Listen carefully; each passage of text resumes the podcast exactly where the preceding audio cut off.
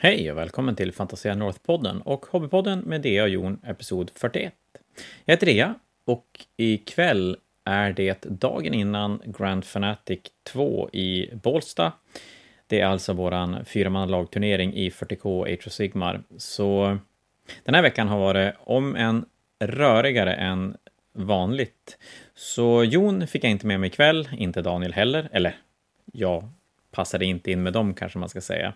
Så Hobbypodden ikväll kommer att vara med mig.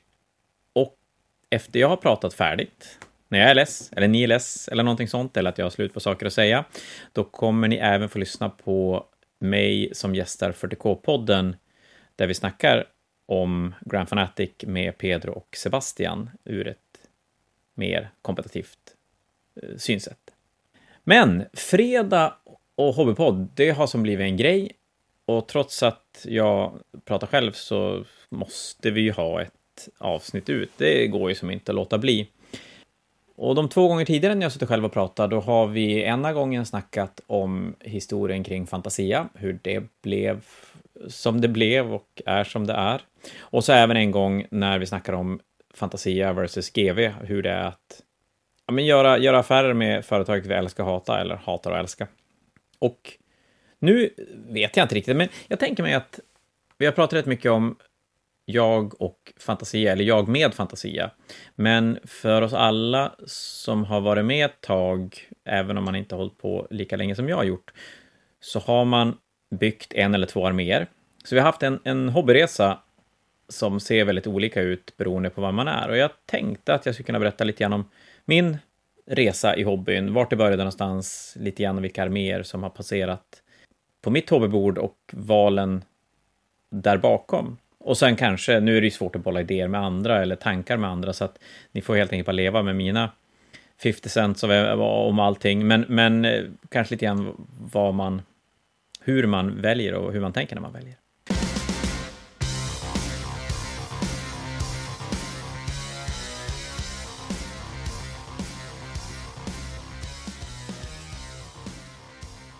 Men först, även fast jag själv, ingen hobbypodd utan att man målar figurer.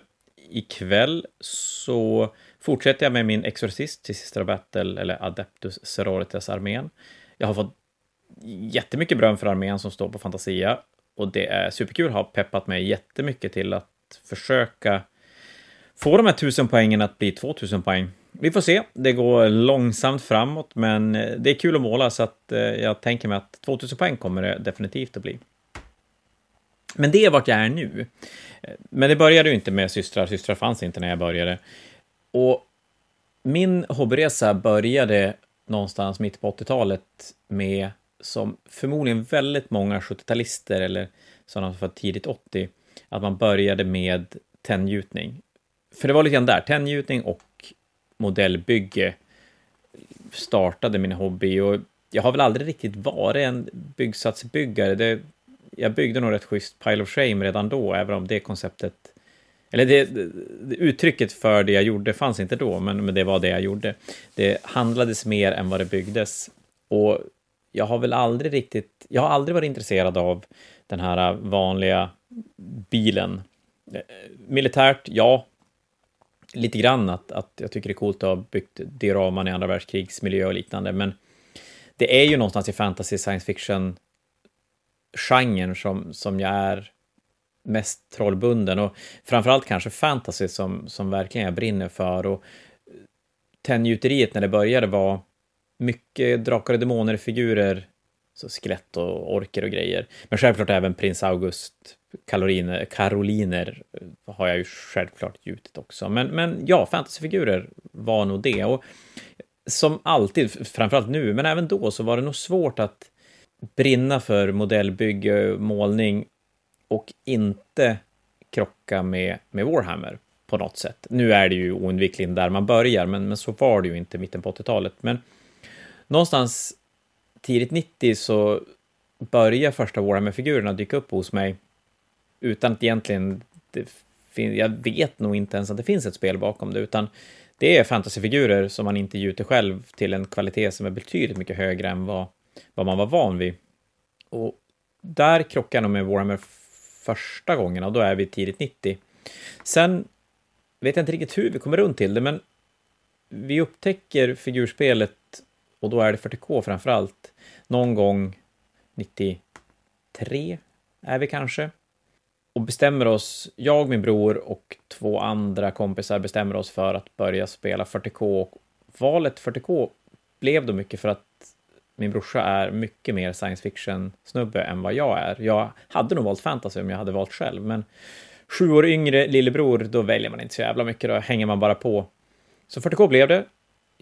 Kan ju inte säga att jag ångrar det så här i, i efterhand. Och första armén jag klev in i var Eldar.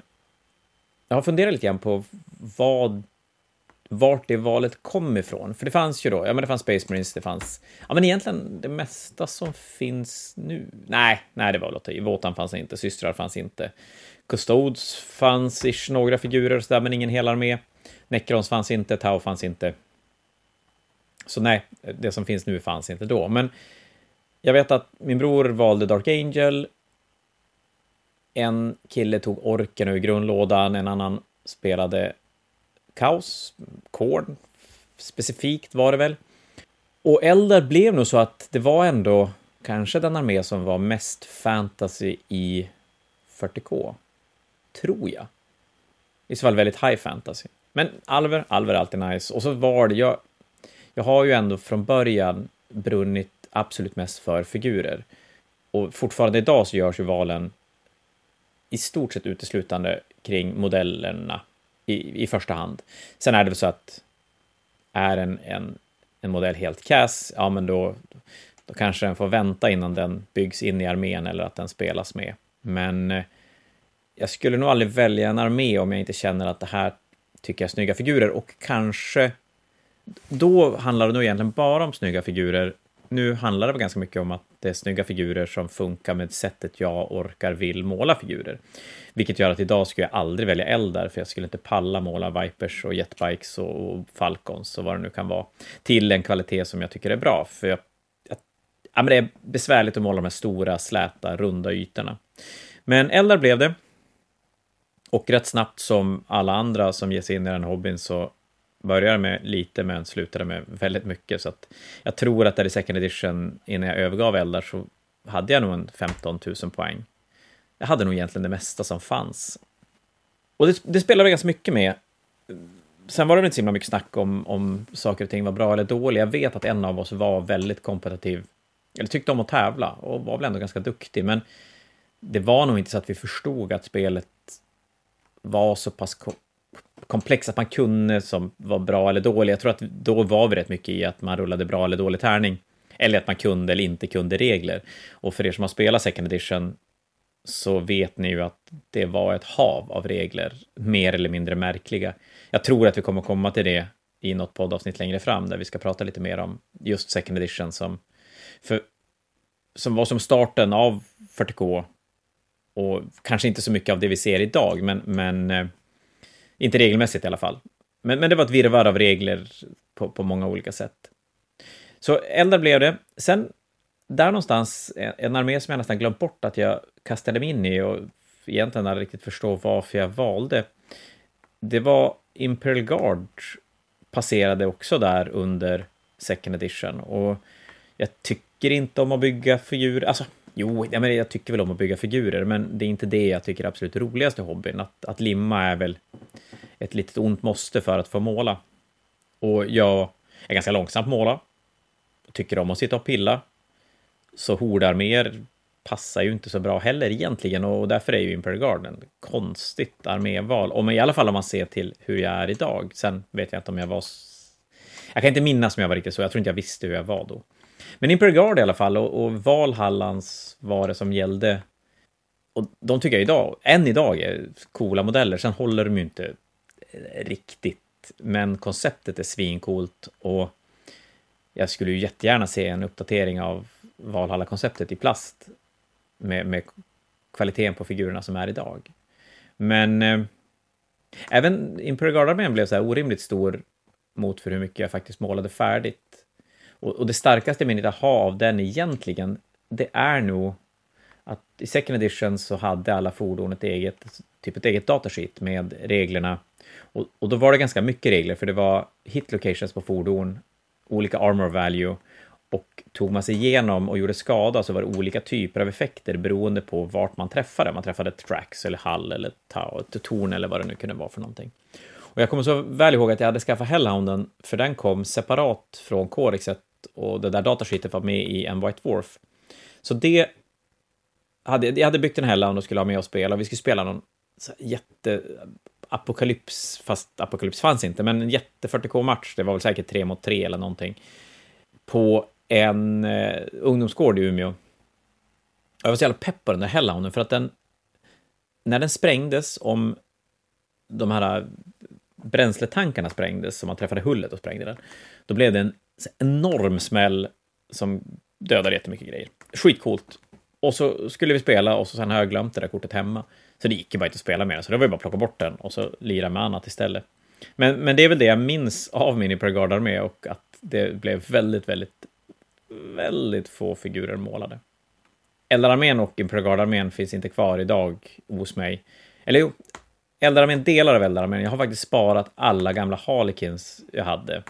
Som jag köpte begagnat, för de fanns inte i tryck där när jag började med, med Eldar 93-94, utan de hade redan gått, gått ur produktion då. Men de fick jag tag i begagnat. Och, och de hade jag som inte mage att göra mig av med. De, de ligger lite utspridda i lådor och, och kommer aldrig bli någonting. Men eh, alltså, ja, jag brukar säga att jag inte är så jävla nostalgisk, men, men eh, de har jag svårt att släppa. Sen här någonstans, mitt i allt det här, då dök även Warhammer Fantasy upp i vårt medvetande och fantasyarméer började byggas. Och då föll valet, mitt första val föll på Woodelf. Jättekonstigt. Kanske för att jag spelade alv, eldar 40K, så det fanns väl någon sån alv-fetisch med mig, skulle jag kunna tänka mig. Eh, och draken som fanns till Woodelf på den tiden tyckte jag enormt mycket om, så att det var nog en stor anledning varför jag valde Woodelf. För jag, jag vet att jag skaffade den och byggde, målade halvmålaren, skulle jag vilja säga att jag gjorde. Och så blev det lite så Warrock Riders. Men sen gav jag mig på plast Archersarna som fanns till Woodelf på den tiden. Och har ni inte sett de här så är det fan ett Google moment. Eh, sök på Woodelf Archer Warhammer 90-tal eller någonting. Så kommer ni att se förmodligen... Ja, men jag vill nog sticka ut hakan och säga att det är de fulaste figurer GW har gjort. Så här fula utan charm. Visst, vi har, det finns jättemycket videos på folk som eh, berättar om de fulaste modellerna och Nagash är ju alltid en modell som dyker upp i de diskussionerna och det finns en bunt andra. Jag vet att Lemartes, första Lemartes, Mark McWay, en som favorit av mig att ta upp i, i fula modeller-sammanhang. Men någonstans har ju de ändå en charm. Jag menar, Nagash, gamla Nagash har en charm. Det är något så fulsöt med sin vägkon på huvudet. Men gamla Woodruff Archers är bara fula. Jag tror inte ens man får tycka att de är lite så här gammalt gulligt fula. De är bara fula. De har nämligen ingen midja. De de har ben och så sen har de ett bälte där bröstkorgen ska vara och sen har de något tendens av överkropp och så ett huvud. Och så väldigt runda och klumpiga. Så jag minns att jag började måla dem men pallade verkligen inte och där dog mitt Odelf-projekt typ när det startade. Och valet av armé sen efter det blev Undead som det hette, vilket sen splittrades upp till Vampire Count och Tomb Kings mycket senare. Och för er som inte har spelat gamla fantasy så är ju det då ja, men en blandning av Osiarker, Fleshity Court och Soulblight, skulle man kunna säga. Det är allt odött i en och samma. Och där kommer man då tillbaka till mitt fantasyintresse, det, det, det, är väldigt klassiskt, jag gillar skelett, det är svincoolt. De hade mycket snygga modeller. Jag vet att gamla mumier var skitfräna, de hade en del karaktärer som var jättekola. En del ganska fula också, ska jag säga. Arkander Black var väl aldrig en höjdare, men den rangen var bra. Det, det fanns mycket snyggt i den. Och det passade min målning väldigt bra också. Lite samma typ av målning som jag gillar än idag. Och jag kom ihåg där att det var jag och en polare som började med fantasy samtidigt. Han började Empire och jag började med det odöda. Och då hade vi sagt att vi skulle måla färdigt innan vi spelade. Så lite grann så här, turneringspressen i målning, fast vi hade inte satt något datum. Men det drog ut på tiden och spelpeppen blev ju bara större och större, så att vi satte en helg när vi skulle spela och så skulle vi då måla färdigt till dess. Jag, som jag alltid gör, failar ju sådana deadlines, men det enda jag inte hann måla färdigt var Isabella von Karstein som skulle vara min general. Den gamla som kom med Vlad. Och vi sa ändå att ja, men vi spelar ändå och så får jag måla färdigt den sen. Och det jag kommer ihåg mest där, det är att jag målade aldrig färdigt Isabella. Eh, hon blev omålad. Och spelad mycket mer med. Och sån tendens har jag väl att har man väl spelat med figuren, då, äh, det gick ju så bra en gång, så det går väl bra en gång till. Och sen fortsätter det så, och så blir det aldrig målat. Därför är jag, det är nog den största anledningen varför jag är väldigt försiktig med att spela med omålade figurer, för att jag så här, mentalt blir som nöjd med det och, och så sen kan jag spela med dem omålad för resten av livet. Men, men där är min ingång i fantasy. Och sen har det... Och här ska vi säga så att många tror att jag har byggt jättemycket arméer och spelat massor av arméer genom åren. Och det, men det har jag inte. Jag har inte supermånga helt färdiga arméer. Jag har jätte, jätte, jättemånga halvfärdiga projekt i, i Warhammer, äh, både 40K och, och fantasy. Men som sagt, färdiga arméer har, har varit färre och i fantasy så var Odöda min första. Sen efter det så, och här har jag verkligen gått ganska brett genom spektrat av arméer. Jag gick från odöda till Dark Elf, som det hette på den tiden. Blev också färdig med, jo men det, det var en färdig armé och den, den byggdes till Grand Tournament som är GVs, eller var GVs egna turneringar på den tiden och då höll de Grand Tournament i Stockholm och i Oslo. Och till Stockholmsturneringen så målade jag färdigt min Dark Elf-armé. Och minnet av den armén är väl egentligen att jag var otroligt sent ute och satt och våldsmålade kvällen innan, natten innan. Och det sista jag gjorde var att jag warsade massa grejer som inte torkade. Så att jag satt med hårtork för att torka det fortare, vilket kanske inte var så jävla bra idé. Och sen steg jag upp våldstidigt på morgonen för att måla färdigt det sista när skjutsen kom och, och vi skulle bila ner. Men färdigt blev det och jag sa väl till mig själv att ja, men jag, jag nöjer mig med det här och så sen bättrar jag på det sen när jag kommer tillbaka.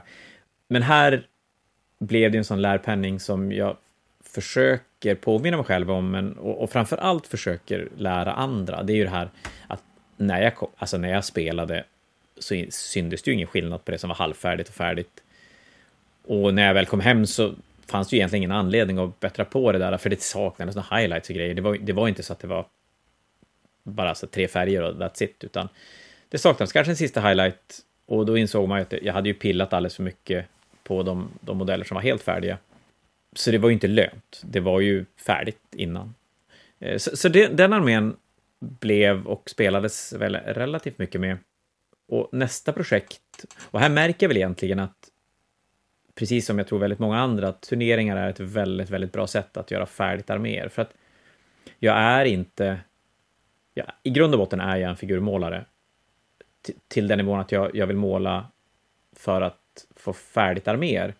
Och är väl kanske inte så himla mycket... Det är kul när folk tycker det är snyggt, men jag är inte ute efter att bli bättre och bättre, utan jag vill ha färdiga arméer och, och, måste som försöka nöja mig med en viss kvalitet för att jag ska orka igenom projekt. Och, och det tycker jag nog ganska många skulle, skulle ta, ta åt sig också i att välja färgscheman, välja sätt att måla som man klarar av. Att inte alltid... Jag förstår tanken att sträva efter att bli bättre, självklart. Men att man, man kanske balanserar den med att faktiskt bli färdig och att bli färdig är ju det är väldigt tacksamt att göra eller måla med tekniker som man kan, färger som man, man känner sig bekväm med, så man inte hela tiden behö, behöver uppfinna hjulet varje gång, utan att man, man kan återanvända kunskap som man har. För det är jävligt roligt att bli färdig. Det, det är en skön känsla. Och minnet från Grand Tournament-turneringen i Stockholm, det var... Ja, men det, det var lite speciellt för det var en sån där GW hade med sig representanter för, så Alessio Calvatore som, som hade skrivit den editionen av Fantasy var där som Theo, så att han hjälpte till att svara på frågor. Det var, det var ganska kul att, att få ta del av det, att personen som har skrivit reglerna är med och, och, och svarar på frågor. Och det jag tog med mig mest därifrån som Theo själv sen, det var väl egentligen att man han kunde ju allt. Han hade ju fan skrivit grejerna, så att han skulle ju egentligen bara kunna säga att så här är det. Och var det otydligt skulle han bara kunna säga att så här är det. Och så sen skulle man köpa det för att han har ju som, han har ju gjort allting. Men han var väldigt duktig på, på, visa hur man som skulle komma fram till svaren. Så att de regelfrågor man hade slutar oftast med att han bläddrade i regelboken och visade, ja men om man läser här så är det så här och så hänvisar man till det. Och det vet vi ju alla som spelar Warhammer att det funkar ju inte alltid, för det är ju en hel del otydligheter som, som inte klarar av att tydas med regler utan att man får som hitta på eller fill in the blanks. Men det, det var ändå intressant att, att följa det, just det där att man, man inte bara säger att så här är, utan man försöker som visa vart det står. Det lärde mig ganska mycket om att, att läsa och hitta regler och lite förståelse för hur GW tänker när de skriver regler. Men, men det var väl det från den turneringen och så sen att eh, Alex Hedström var med som, och då hade de någon sån eh, paneldebatt med Alessio och Alex Hedström där man fick ställa frågor. Och det jag minns mest från den paneldebatten det var väl att Alex Hedström var på dyngan och pratade skit om Jess Goodwin. Typ. Jo, och så sen under turneringens gång så en av killarna från Umeå som var med och spelade så, så, så kom han fram och så bara du, är det marinella jag luktar? Och så ville han smaka. Men det var inte marinella, det var gifflar, kanelgifflar. Så att eh, han passar väl på att åka tillbaka till Sverige och, och dricka sprit och få prata om eh, figurer han designade. Men, men det var kul, för det, det stack ut lite grann i turneringsformat, just en, en stor turnering arrangerad av GV på svensk mark. Det har hänt en gång och jag tror inte det kommer hända i närtid. Men det, det var min Darkelf-armé som fick vara med och leka där. Nästa som avstamp på arméer och, och, nu är det ganska mycket fantasy-arméer för att jag började i 40K, spelade otroligt mycket 40K under second edition och, och även i tredje blev det rätt mycket 40K. Men som ganska många som spelar båda spelen så slog communityn över ganska hårt i, i 40K. Jag tror att om ni lyssnar på vårt förra avsnitt när vi pratade Fanatic-historia så visar deltagarantalet på Fanaticen det också. Att det slog om otroligt mycket från, från 40K till fantasy. Och sen höll sig fantasy strångt ganska länge innan det började slå tillbaka igen till, till 40K. Så för mig blev det mycket fantasy. Jag, på den tiden tycker jag nog då att fantasy var roligare och det triggade nog min fantasy gen som, som gjorde att jag gick igång ordentligt på det. Men i alla fall så nästa armé som byggdes jag kommer säkert glömma en del arméer, för det är ju en del så här projekt som fick se väldigt lite spel, eller väldigt lite incidenter som gör att man kommer ihåg det. Men till nästa Grand Tournament, då var den i Oslo istället. Och det var lite samma sak, vi, vi lastade in en bil och åkte ner och spelade där. Och här också så spelade jag ganska många turneringar i Uppsala. Quest for Atlantis var ett par stycken. Där fick min Dark Elf-armé vara med och spela. Men då byggde jag en Minotaur-armé, typ. Det kanske var mer en big guy-armé till, till kaos, utan det var, det var rätt mycket treor, fyror med, med minotaurer, Ogers. Jag kommer ihåg att jag hade de här gamla Chaos Ogerserna som hade typ ett extra huvud på, på axeln. De var ju också jättefula. Vad fan är det med mig att välja fula modeller? Jag kommer ihåg att en av de modellerna hade ett fingeravtryck på knäskålen. Så de figurerna då gjordes ju i green stuff och förmodligen då så har de tryckt till knäskålen med sin tumme och lämnat sitt fingeravtryck. Ja, det var skitfula modeller. Jag hade... Jag tycker ändå att jag hade målat dem ganska bra. Jag var nöjd med hur jag hade målat dem. Det var Ogres i hudton i, vad heter den, Bronze Flesh Tone hette den färgen på den tiden. Hade använt slavarna till, oj, vad hette Astrobal Vekt, Dark Elf-karaktär. Nej, inte Dark Elf, Dark Eldar, Dark Eldar-karaktär. Han hade en egen raider. Han hade två stycken slavar, Eh, dark Elf, Dark, det går bra nu, Dark Eldar-damer som slavar. Jag hade använt dem på baserna bland annat och, och lite sådana kedjor och grejer. Ja, men jag, jag var rätt nöjd med den, men det var nog bara ett lur, för den var nog ganska ful. Och vi var och spelade då i Oslo vi bilade ner från Umeå. Och den, den turneringen spelades i en tennishall, alltså ganska gammal och sunkig tennishall, med lysrör i taket som var sådär gula som lysrör kan vara. Och problemet var att brons Flashstone var väldigt, väldigt gul. Och det funkade tills man fick se armén i en gul belysning, för att jag spelade typ med tennisbollar, vilket är väldigt passande vart vi var någonstans. Men det var så jävla fult. Så alla ambitioner om att vara med på någon Best Army, Best Painted, den dog ju ganska snabbt när man ställde ut armén där. Nu var den inte så snygg i och för sig heller, men, men eh, ja, det var ett, ett wake-up call kan man väl säga. Hur man ska tänka på färger och hur belysning kan förändra hur en armé ser ut. Den var skitful. Och där också, den turneringen var lite rolig. Eh, vad, vad, kan vi säga om den turneringen? Jo, det ena var att vi försökte, den spelades utanför vägtullarna i Oslo och vi bodde innanför vägtullarna. Och då hade jag och min, nej, co-chaufför, jag hade inte körkort på den tiden, men Elias som körde bilen, på vägen från turneringen tillbaka till hotellet så kom vi körande till tullstationen där man skulle betala för att ta sig in, för det gjordes inte automatiskt på den tiden. Vi är någonstans sent... Vad kan vi vara? Kan vi vara sent 90-tal? Nej, vi måste vara tidigt 2000 borde vi vara. Ja, där någonstans i alla fall.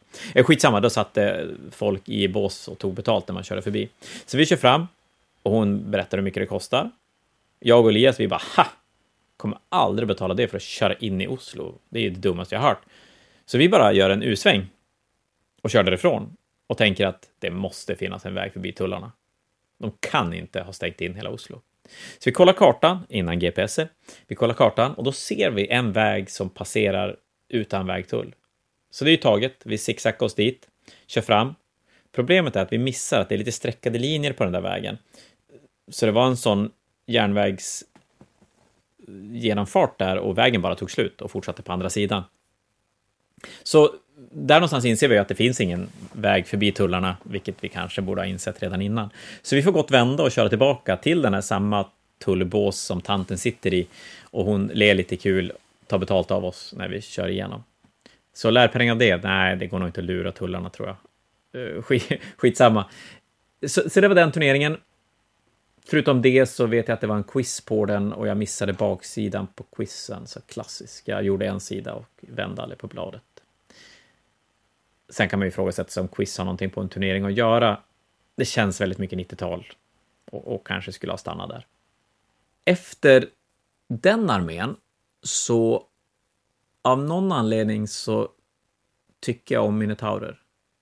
Och då får jag hjälp av en polare som var en arméspruta, idéspruta och sjukt duktig fantasyspelare han spelade, jag tror han spelade fem eller sex turneringar det, det där året vi pratade, när vi var till Oslo. Och jag tror han placerade sig, han snittade 1,2 som turneringsresultat över, den, över de sex turneringarna. Och då var det inga små turneringar, det var alla sådär 50 plus stora turneringar. Ja, skitsamma. Den editionen, då är det, då måste det vara sjunde, nej, sjätte editionen fantasy. Ja, för då var det fortfarande fyra breda ranker. Det blev fem bred i sjunde och så blev det hord i åttonde. Ja, vi säger så. Jag bestämmer det. Det kan vara fel. I alla fall, då fanns det en, en variant där man kunde bygga, eller han hade kommit fram att, att det skulle vara grymt att bygga en, en dödsstjärna med minotaurer. Så sagt och gjort så blev det en enhet med 16 minotaurer. Så 15 minotaurer plus en dombull i enheten. Och så sen fick de frenzy och så var de typ obrytbar eh, och dödade allt de petade i. Så den armén byggde jag ihop. Och då, det är nog mitt första och sista riktiga konverteringsprojekt. För jag sa det i början att jag är ingen modellbyggare. Och därav så blir jag ju ingen konverterare. Jag är supernöjd med modellerna som GV gör och är väldigt, väldigt sällan jag känner att den här modellen kan jag göra bättre genom att göra om den. Känner jag att modellen inte är tillräckligt bra direkt ur lådan, då, då brukar jag bara lämna den som inte tillräckligt bra. Men idén jag blev slängd på mig här av samma person, det var att bygga en, det, var en kornarmé då, med de här minitaurerna, och ta den gamla tennminitauren, juggernauthuvudet från gamla tennjuggernauten, och så sen och ersätta då minotaurhuvudet med. Och sen satte jag horn på sidan, så tjurhorn då, och det var från Tuskorkärjotten drogs av vildsvin, av de gamla Boarboy, Boarboysen. Men då hade de ett metallhuvud på dem istället och de hade en uppsättning horn. Så jag klippte av dem och limmade dem på, på sidan av de här juggerhuvudena. Och så fick de, var det tvåhandsvapen på, på minotaurerna. Så, så det blev en sån där man köper en minotaur för, i don't know, 150 spänn. Och så sen var jag tvungen att beställa de här, för det var på den tiden man kunde beställa lösbitar. Så jag beställde lösa juggerhuvuden och, och de här tuskorhuvudena och, och klippte lös och satte ihop. Och, och det blev, den, den armén jag faktiskt kvar än idag och den ser fortfarande bra ut. Målningen lämnar lite att önska, det har hänt ganska mycket med målningskvalitet över åren, men den, den, jag behöver nog inte skämmas för den. Jag vann en, en Best Painted med den i Uppsala på Quest for Atlantis, nummer någonting. Min största bedrift som figurspelare i tävlingssammanhang. Kom även trea på turneringen. Mm -mm. Eller vänta nu. Jo, jag kom trea, fick pris, jag tog en flagellantlåda och när vi satt och väntade på att alla skulle göra sig färdiga innan vi bilade hem så hade jag öppnat lådan och börjat pilla på figurerna. Och då kommer de, då visar det sig att de har räknat fel, de har switchat mitt sista resultat, så att istället för att få noll poäng eller vad det nu var så fick jag maxpoäng. Så jag kom egentligen inte tre, jag tror jag kom fem eller sexa egentligen. Så att de tog mitt pris från mig, så jag fick inte mina flagellanter. Sad face. Men det var nära. Nära en pallplacering. Sen blev jag turneringsarrangör, så jag vet inte om det där kanske satte sina spår. Men, men i alla fall, så den armén blev, blev det 15 sådana minitaurer. Och så sen så vet jag att jag byggde även Harpies av Squigs med vingar från all, nu, är, nu är vi ute och gräver grejer, Alpha Legion sergeantmodell som man kunde köpa lös som hade vingar på hjälmen. Så jag klippte dem, när de var lösa, så jag beställde de vingarna och, och satte dit på Squigsen. Och, jo, men, ju, nej, men det, oj, det är ju den armén, det är ju helt galet. Den armén har jag även en jätte, och då är det Albion-jättarna som kom till något supplement till Warhammer, ganska smala jättar, där en står och håller en sten ovanför huvudet. Jag tog bort den stenen och så satte jag dit steamtanken. Och det här är på den tiden steamtanken var i metall, så att det är så här våldspinnat och, och jag tror att den faktiskt håller upp steamtanken än idag, även om det den vinglar väldigt läskigt när man, när man ställer upp den. Men så det var det också, så det var det här jätteminotaurblocket och så sen var det Harpies konverterade av Squigs, det var den jätten, ett Forgeworld-spån, som egentligen kanske inte var ett spån från Forgeworld, men det, det passade väldigt bra in. Och så sen hade jag Chaos Warhounds. Och, och som sagt, den armén blev jag väldigt nöjd med. Och den målningen höll även i annan belysning än där man satt och målade hemma. Och den där armén, den levde med mig ganska länge. Den var jävligt rolig att spela den, eh, äh, lite så här självspelande piano och när folk inte riktigt visste vad de mötte så, så vann den rätt hårt, gjorde den. Så den fick vara med och spela ett par turneringar. Eh, den överlevde hela sjätte editionen och, och gick även in i sjunde, men då ö, ändrade GW grundreglerna så att istället för fyra breda enheter för frankbonus så var man tvungen att vara fem bred. Eh, I den svängen tror jag även att poängen ökade. Så att vi gick från vad 1750 till 2000. Så att det gjorde att jag fick ju in fyra till minotaurer för att bredda, bredda enheten. Men den blev ju egentligen bara sämre av att den blev större, så att armén tappade ganska mycket fart. Och när de sen splittrade eh, Beastman-boken och Chaos Warrior-boken i två, då rasade armén sönder helt och hållet, för den byggde lite grann på något baner från en av böckerna som, som gjorde några grejer, kommer inte riktigt exakt ihåg vad, vad det var för någonting. Men så det är väl en av arméerna, förutom tyranniderna i 40K, som har hängt med mig absolut längst. Och, och här någonstans så även om börjar vi, på fantasy-sidan börjar vi närma oss åttonde editionen och mitt fantasy-sug har dör av ganska hårt i slutet på sjunde och egentligen genom hela åttonde. Och det här är egentligen en helt annan grej att prata om, men, men eh, anledningen lite grann varför fantasy tappade fart för mig och varför jag egentligen inte alls känner mig speciellt sugen på gamla fantasy och, och även kanske inte superpepp på Old World heller, är väl att fantasy då hade ju klivit in i turneringsscenen där vi ser 40K och Age of Sigmar är idag, att duktiga spelare blev så otroligt mycket bättre och la så mycket mer energi på sitt spelande än vad man gjorde två editioner tidigare. där en duktig spelare var väl duktig för att man var duktig på att spela spel. Och det, det förde väl över i Warhammer. Men gamla, och, och lite grann som GW också väljer att skriva regler, att det här flummiga från second edition 40K eller fjärde editionen fantasy, mycket sånt slipas ju bort för varje ny edition som kommer och även om ja, men spelen förenklas och, på, på många sätt, men, men det det gör, tycker jag, det är väl att spelen är mycket mer skill rewarding nu än vad de var då. Och, och det är ju egentligen ingen nackdel. Jag menar, ett, ett, väldigt vanligt argument för ett spel är ju att det är väldigt strategiskt och det, det går att spela bra. Och det är ju egentligen väldigt positivt. Men för min del så är det lite balansgång. Det får inte bli för mycket schack av alltihop. Jag, jag är, ja, ärligt, jag är, lite, jag är lite för dålig på att spela. Jag spelar lite för sällan. Så blir spelen för linjära och för mycket schack, då kommer jag bara att förlora mot duktiga spelare. Och det är okej okay med. Och det gör jag ju nu också när jag spelar mot duktiga spelare, att jag förlorar ju mycket mer än jag vinner. Men någonstans när spelet känns som att det, det är ändå moment av mer tärningsslag. Och det, i 40K är det väldigt mycket så för att man rullar mer, mer tärningar, eller ja, det ska jag väl kanske inte säga att man gör, men man, man kan stå längre bort och skjuta på saker och, och man kommer alltid känna som att man gör någonting. Och Age of Sigma är lite samma sak. Det, du har dubbelrundan som nu, det, det, går ju att spela kring den på ett jättebra sätt, men det går även att blunda och chansa lite grann. Och ibland så får man lite utdelning. För det mesta är det ju bara att lura sig själv, men det är ändå en känsla som gör att man, man känner att man är med. Gamla fantasy, framförallt mot slutet, blev ju så otroligt strategiskt och det mesta satt ju i momenten.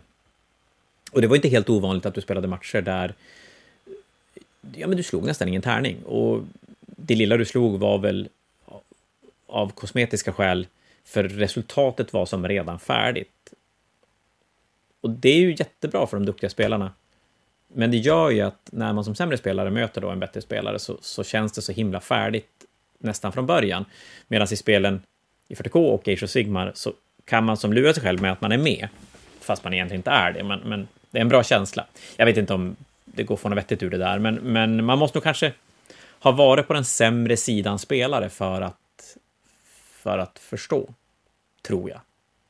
Ni får ta det för vad det är, men, men eh, i alla fall så tappade jag ganska mycket fart i fantasy och jag petade lite armébyggen. Jag, jag petade lite grann i Ogre Kingdom, för det var en sån armé som få modeller och, och det fanns en målarguide i White Dwarf som jag följde med, med huden och som, som blev bra, men här under, ja men det här är väl sena, sena 00 va, borde vi vara, så har min målning hamnat i ett läge där jag är alldeles, alldeles, alldeles för petig och ja men jag, jag petar alldeles, alldeles för mycket.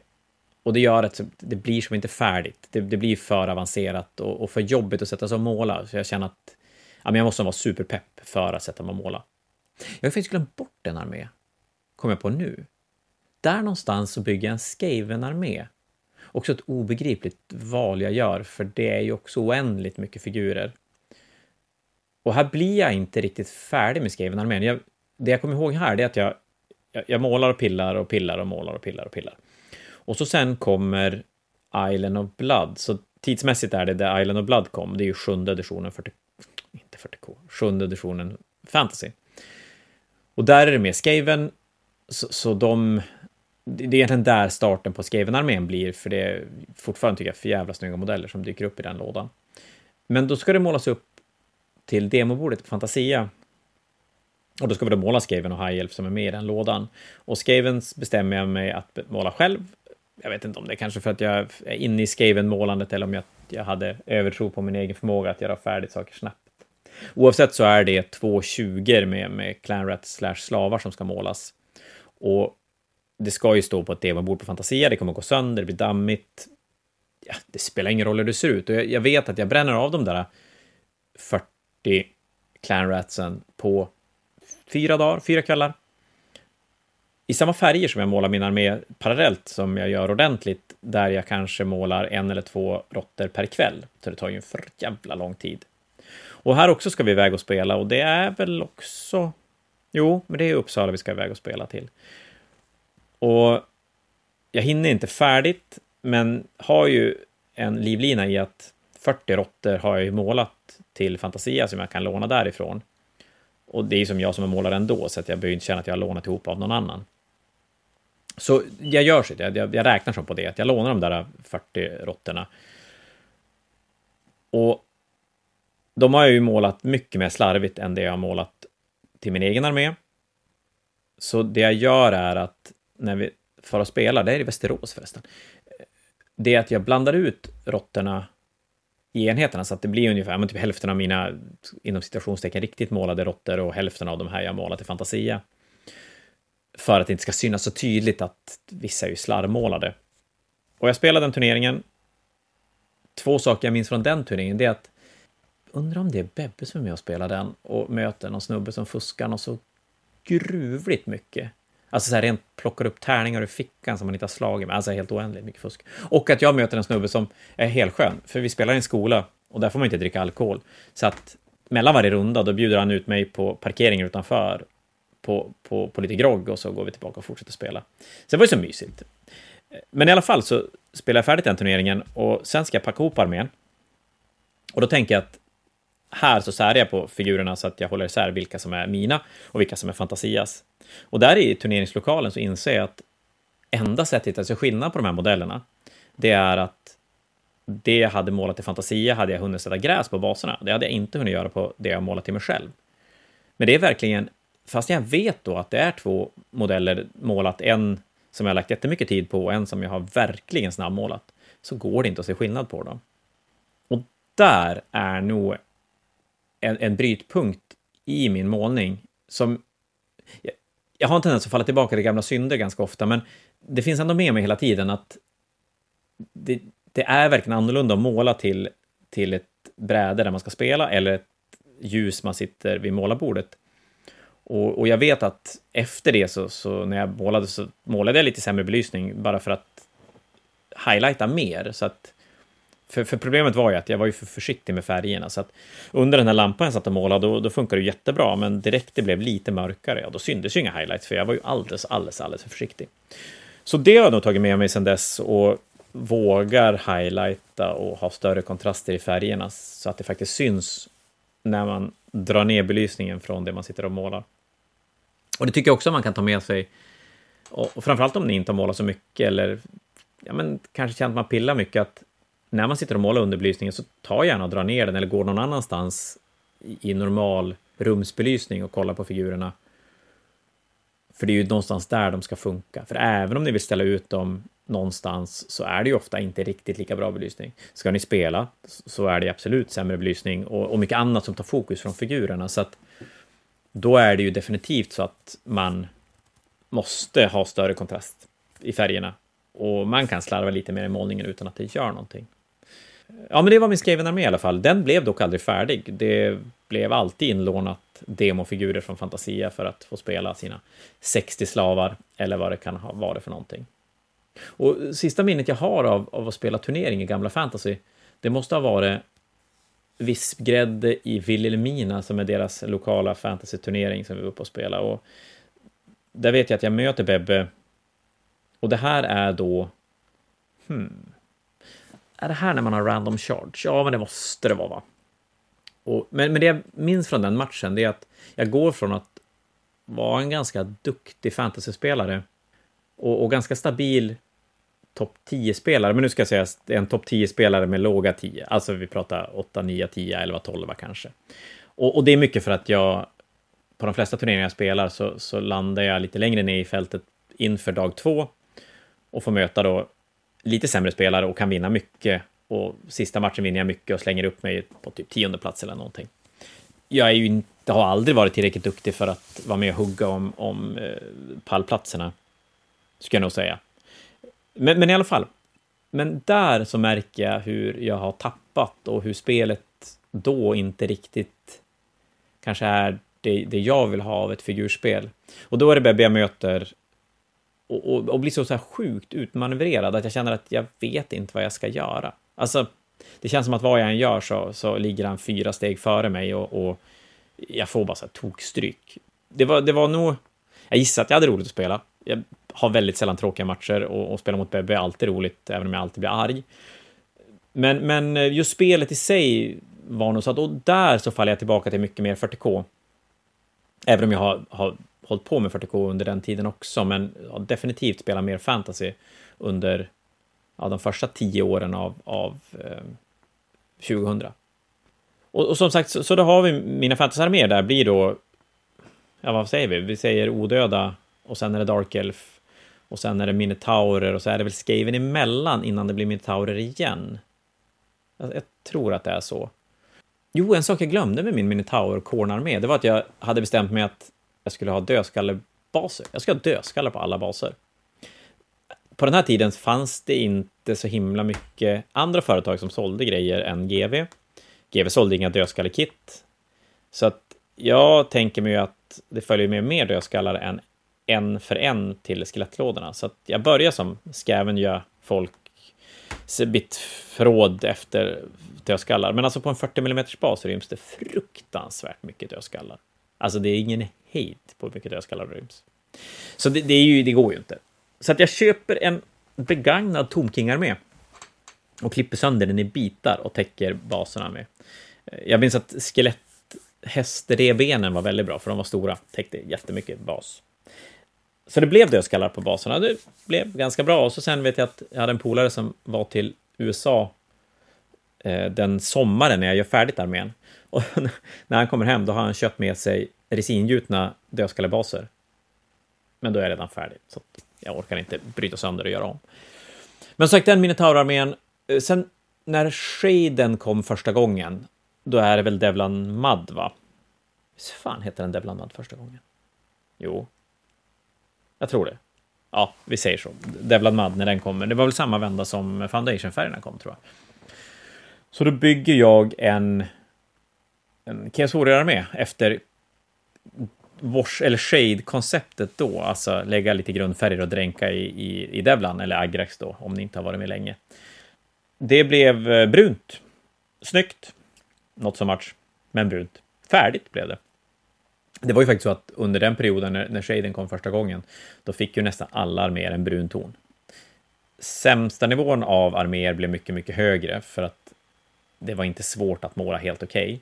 Men däremot så sänktes nivån på ganska många som normalt sett la ner lite energi på arméerna, som helt plötsligt fick en helt okej okay armé bara och dränka skiten i shade. Så ja, det sämre sämsta blev lite bättre, det bästa blev lite sämre. Eller ja, inte det bästa, men, men tabletop-standarden sjönk lite grann, ska jag väl säga. Eh, det var väl ja, det är skönt att det var under en övergående period och folk gick tillbaka till att använda shaden till ett, som ett komplement till att måla vanligt.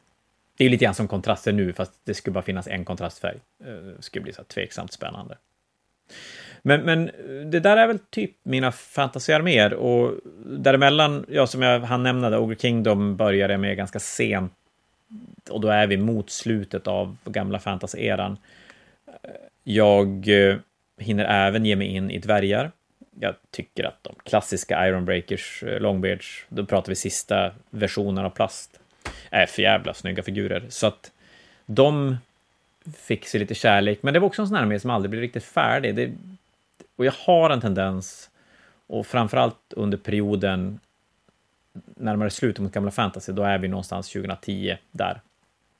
Att börja projekt och inte färdigställa. Och ibland komma ganska kort in i dem faktiskt. Men dvärgarna blev nog kanske en tusen poäng. Aldrig spelat.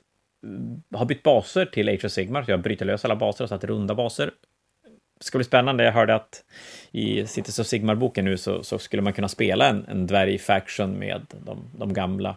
Så att, eh, det blev jag väl lite sugen på att kika på igen, för det är, eh, ja, men det är coola modeller, även om min målning kanske lämnar lite grann att önska där. Eh, sen Age of Sigmar har ju mina arméer inte sprutat ut, men där är det en, tom, en Osiark-armé som jag har målat. Eh, och sen har jag börjat med Soulblights, så att det finns ju ett på fantasy-sidan så finns ju ett litet tema, det är odött eller minotaurer, kan man väl säga.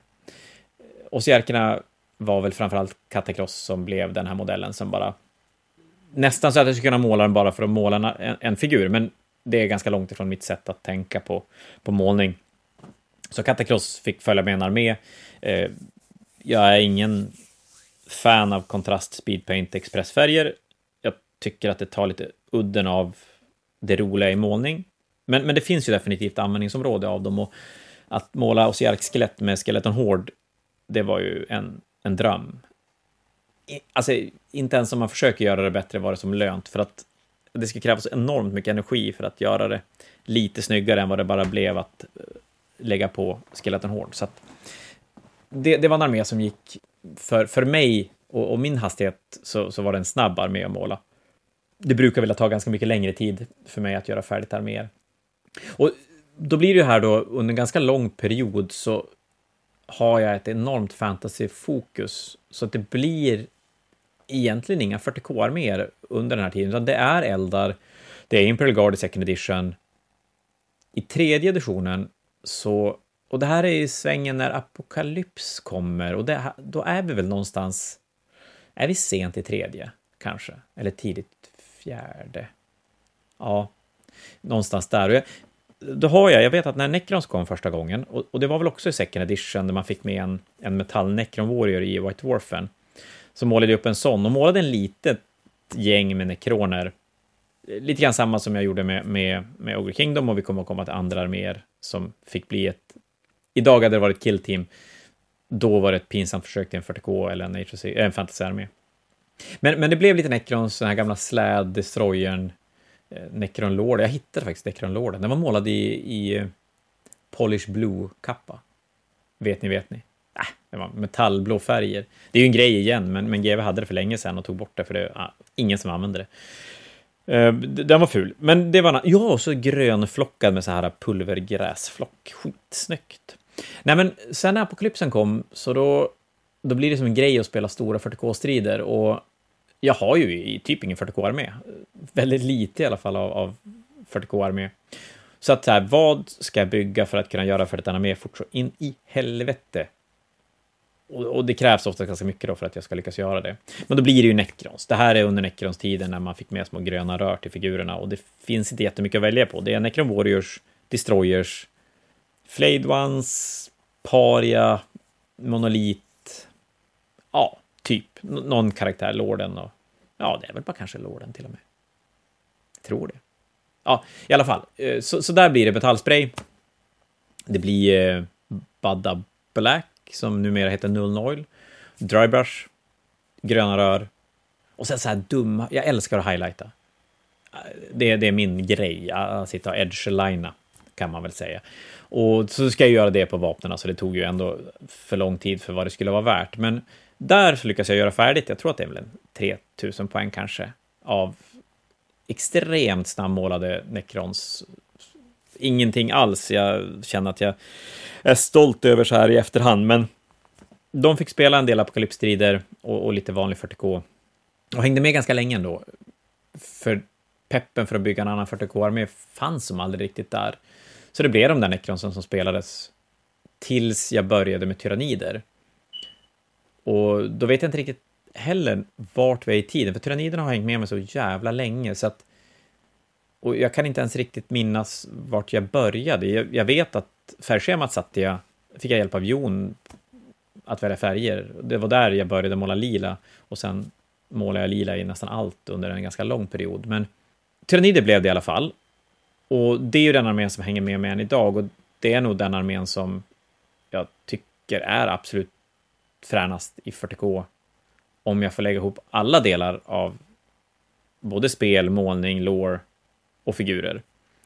Sen finns det absolut lore som är coolare till andra arméer som tyranniderna kan vara lite tråkig. Men om man lägger ihop alltihop så, så tycker jag att tyranniderna blir som bäst. Och då är det framförallt väldigt mycket målning och figurer som jag gillar. Och det sitter nog ihop lite grann med att mitt, mitt fantasy-pepp och, och, mitt sätt att måla gör sig inte jättebra på fordon, stora släta ytor. Så här, Space Prince blir jobbigt, Tau blir jobbigt, Elda blir jobbigt, Drukari blir jobbigt, eh, Orker skulle funka, Necrons funkar, så, så att, men, och där blir ju tyranniderna, det blir ju lite av en fantasyarmé i, i, i 40K-världen. Så tyranniderna är en armé som har målats och där har jag väl kanske 4 000 poäng, 5 000 poäng någonting skulle jag tro. Eh, och de också hängde med under väldigt lång tid, tills på något sätt mitt så här, figurpepp, framförallt för att göra arméer, växlar upp på något sätt. För att jag tror precis som för, för er, så gissar jag i alla fall, så min, min, mitt pepp är oftast väldigt högt. Men det är inte alltid jag lyckas överföra det till att sätta mig vid målarbordet. Och jag vet inte riktigt vad det beror på, men, men jag undrar lite grann om att jag står på jobbet och pratar figurer hela dagen och, och är väldigt... Ja, men, jag gillar det. det är, det är väldigt lite fake i det. Men jag skulle säga så här att om jag hade tid och ett målarbord klockan fyra på eftermiddagarna, då skulle jag få för jävla mycket målat där mellan fyra, fem, sex någonting. För då har man som pratat figurer en hel dag, så peppen är på max vid, vid fyra ungefär.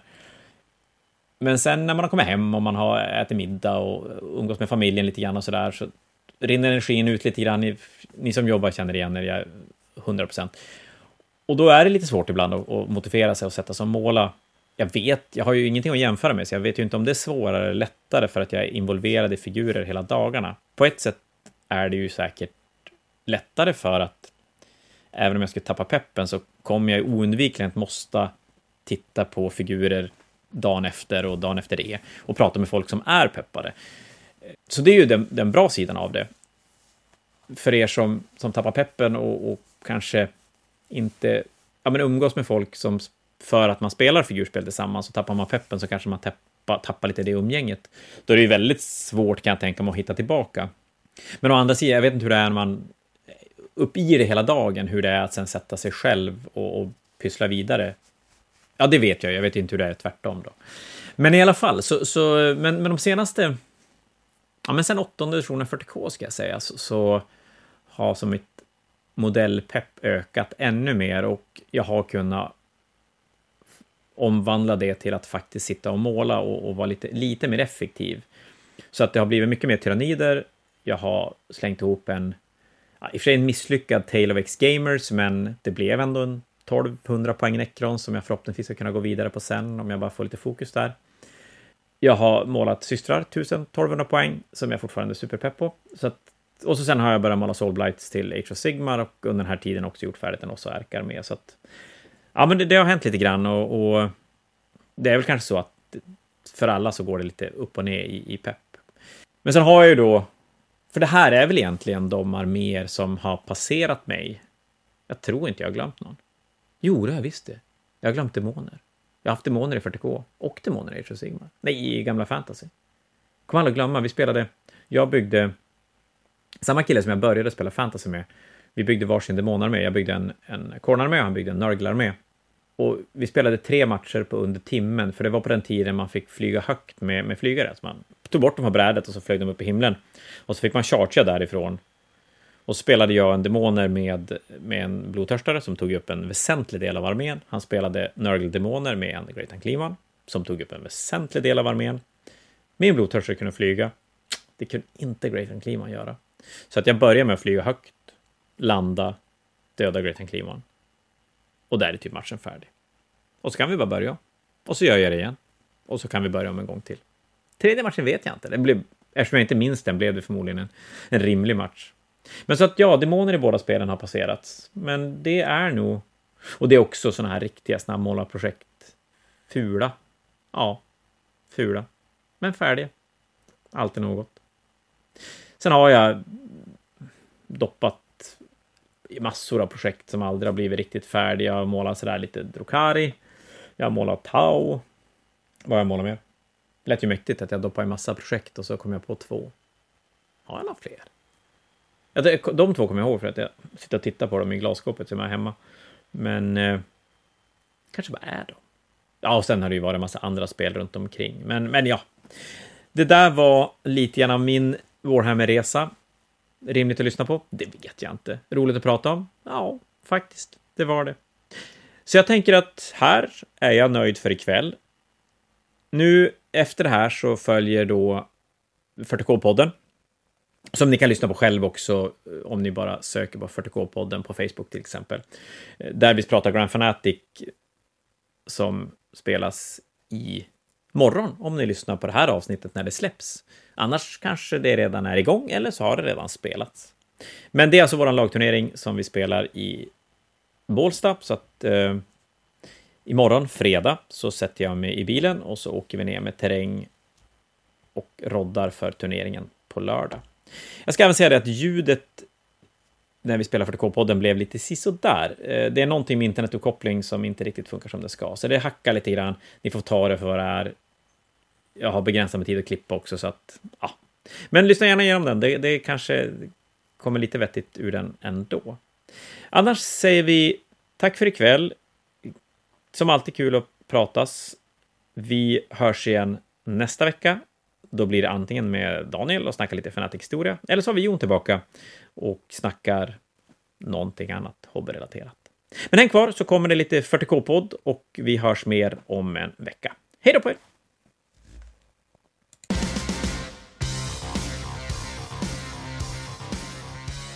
Välkomna till 40K-podden. Idag med samarbete med The Grand Fanatic Crew från Fantasia North. Jag har med mig Dea från Fantasia North och såklart min egen lilla följeslagare Sebastian Magnusson. Hej på er!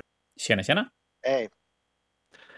Vi är här för att prata lite inför Grand Fanatic som händer i helgen. Vi ska kolla på lite listor, vi ska snacka lite event, vi ska även snacka the venue, vilket jag tycker är väldigt, väldigt fantastiskt. Vi har ju faktiskt, vi, jag vet inte om vi pratade om det här eventet förra året, det tror jag faktiskt inte att vi gjorde. Men vi har ju varit där en gång tidigare, så vi har lite, lite throwback att prata om. Men eh, först och främst, Dea, presentera dig och din kanal.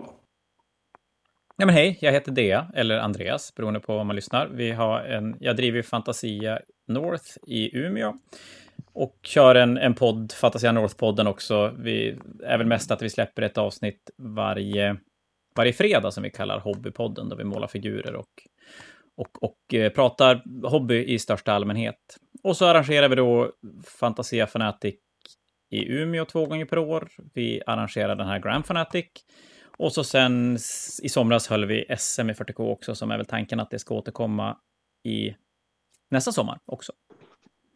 Ja, och uh, hur gick det? SM, berätta. Ja, men SM ja, men det gick jättebra, det måste jag väl ändå säga. Skillnaden är väl att SM blir ju en turnering som både arrangeras ur ett, ja, vad ska vi säga, ett det är en turnering som inte genererar några pengar. Så kan man väl säga det. Mm. Eh, om man ska bara, är bara krass. Att Fantasia håller turneringar, det gör jag. Jag tycker det är fantastiskt roligt att arrangera turneringar, men, men det är klart, ur business-synpunkt så är det ju även en del av Fantasias årliga sätt att göra business. Um, sen, mycket av turneringarna handlar ju om att bygga pepp och hype och, och, få folk att fortsätta i hobbyn. Men turneringarna i sig genererar ju en del också. Det gör inte SM, det är väl snarare en kostnad, men för fantasi är det ju bra reklam och för min egen del så är det ju kul att kunna vara med på den sidan 40K som jag själv inte är kapabel att ta del i ur min egen hobbysynvinkel. Ja, men SM var ju, ja först och främst var det ju ett en turnering som samlade de 32 bästa 40K-spelarna i Sverige. Uttagna mm. genom att placera sig på olika större turneringar och fylla på med svenska 40K-rankingen. Sebastian, det var ett litet jobb att få ihop det, men till slut lyckades vi nog få ihop alla som skulle vara där. Det, det droppade tyvärr. Vi tappade ju ja. några som skulle, borde ha varit med, men, men som inte var med. Och det... Ja, vi, vi kämpade hårt, men jag kom med till slut. Ja, till slut. Till slut. Eh, ja, vi var väl nere så att Neil också var, var hög på att få vara med. Han, var, nej, han fick hoppa ja. sin plats till och med för att han skulle vara domare på, på eventet. Men, men som, som arrangör så var det ju kanske den mest lökiga turneringen jag någonsin arrangerat. Det är ju att arrangera, och det kommer vi nog komma till, att arrangera på, som nu Grand Fanatic, på hotell är ju otroligt mycket mindre jobb än vad man gör när man är på en, i en gympasal till exempel, som vi är på vanliga Fanatiken. Precis, och precis.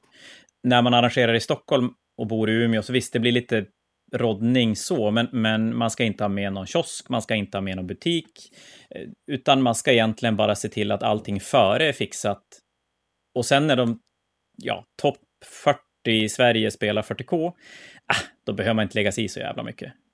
Nej, precis. Jag tänkte precis säga det. Det blir väldigt lite fix under själva eventet. Ja, men ingenting. Och framförallt då, jag menar, vi spelade den i slutet på juni var det va? Nej, jo, början på juni. Ja. Stämmer nog, stämmer nog. Så vad hade vi? Hade vi en månad kvar på nionde? Eller var det mindre?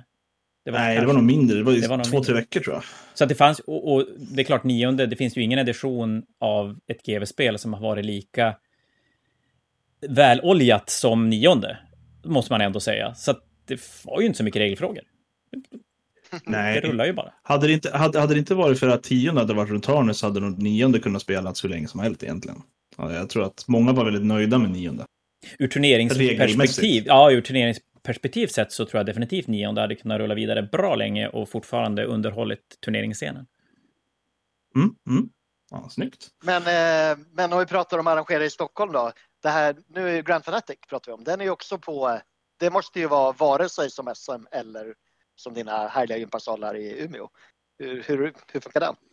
Ja, men det, den är väl... Det blir ändå lite mer... Som du säger, det blir en liten mix av båda. Förarbetet är ju ungefär densamma. Sen slipper man det här med att dra kiosk och när man är på ett hotell så, det vet jag väl för första gången jag arrangerat ett ordentligt event på ett hotell, det var förra Grand Fanatic. Vi har haft några mm. mindre i Umeå också, men just det här att nu ska vi börja vika upp bord och städa ihop och de bara nej, lämna det. Och så tar man sin terräng och så går man. Och så man bara, vad fan, skräpet då? Nej, det, bara, det tar någon annan. Och det är man ju som inte van vid. Så, så Nej, precis. att betala, det, det, blir dyrare, så är det ju, men, men någonstans har ju turneringsscenen blivit äldre och kanske okej okay med att betala en slant extra för att ha bekvämligheterna med hotellkonceptet. Och det gör ju att man är ganska ovan med att, med att kunna ställa krav man är ju snarare så här, jag menar, nu har jag arrangerat Fanatiken 40 gånger och från början då ursäktar man sig själv när man kom på den där gympahallen och så här, kan jag få låna en stol, är ni snäll, jättegärna. Och helt plötsligt kommer man till ett, när man, vi vill ha det så här. För det har jag mm, betalt precis. för. Så, så, det är ju ja. jättestor skillnad. Men, och sen blir det ju, på, på SM så hade jag ju turen att kunna låna terräng av, oj, Joakim Engströms förening i Göteborg. Al, al, al, tack Ale-föreningen. Fick jag låna deras terräng och det var jätte, jättesnällt. Och det gjorde att jag mm. behövde inte dra någonting alls. Jag tog med mig en liten pärm och lite priser och grejer. That's it. Eh, till Grand Fanatic så tar jag med mig är... terrängen, så det är ju en annan grej. Ja, precis. Och det är det som är lite härligt här med hur eh, alla TOs har börjat organisera sig tillsammans för att tillsammans främja spelkulturen lite grann. Och det är väldigt, väldigt häftigt tycker jag. Eh, att alla liksom hjälps, hjälps åt. Även när jag höll turneringar så kom det mattor från Göteborg och det kom mattor från Stockholm och det var folk som hjälpte till. Och folk vill ju bara ha en bra och trevlig upplevelse mer än att de tänker på att den som arrangerar det ska fixa allt och det ska se bra ut. Ja, absolut. Det är ju någonting som har förändrats, tycker jag, ganska hårt sista, sista tiden. Att det har som befäst några större turneringar runt om i Sverige och resten av turneringssverige har på något sätt anpassats efter det. Men det gör mm. att det känns inte som att det är lika stor konkurrens mellan, utan det är snarare ett intresse av att få folk att åka från Umeå till Stockholm eller till Malmö eller Västerås. Och, och jag tror att alla runt omkring förstår också att de tjänar, alltså, vill man hålla en turnering i oh, svensk geografi, ah, låt säga Norrköping, är väl ish nära Västerås kanske, så, så tjänar man på att Västerås är stort, så då kan man dra folk. Så att Ja, men jag tror att folk har insett att 40K som spel gynnas av att turneringar blir större. Ja, men precis. Apropå, och sen också... Apropå, ja. apropå att de blir större, det här det kanske går händelsen i förväg, men det här vi pratat om lite till och från att det börjar bli... Man har alltid kört 40K i lag i 12 miljoner år. Men eh, vi har inte haft så mycket lagturneringar i Sverige. Som du säger, du har arrangerat 50 fantasior, men du har inte arrangerat 50 lagdörrar. Men nu har du, nu har du börjat med det från och med förra året. Hur kommer det sig? Men jag tror att det är som du säger, att man, man vet vad man har, men man vet inte vad man får. Och att börja rucka på fanatikerna alltid känns superläskigt, för att mm. det är ändå en bit upp till Umeå. Jag är ändå relativt mm. beroende av att folk reser till Umeå för att den ska bli så stor att den verkligen sticker ut. Och då har jag väl mm. alltid hamnat i läget att vad händer om man måste dra med sig fyra polare till Umeå? Kommer man då bara skita i det? Men så det blev en ganska ett bra tillfälle att kunna göra det i Stockholm och känna att det är nära för alla, att på något sätt blir det...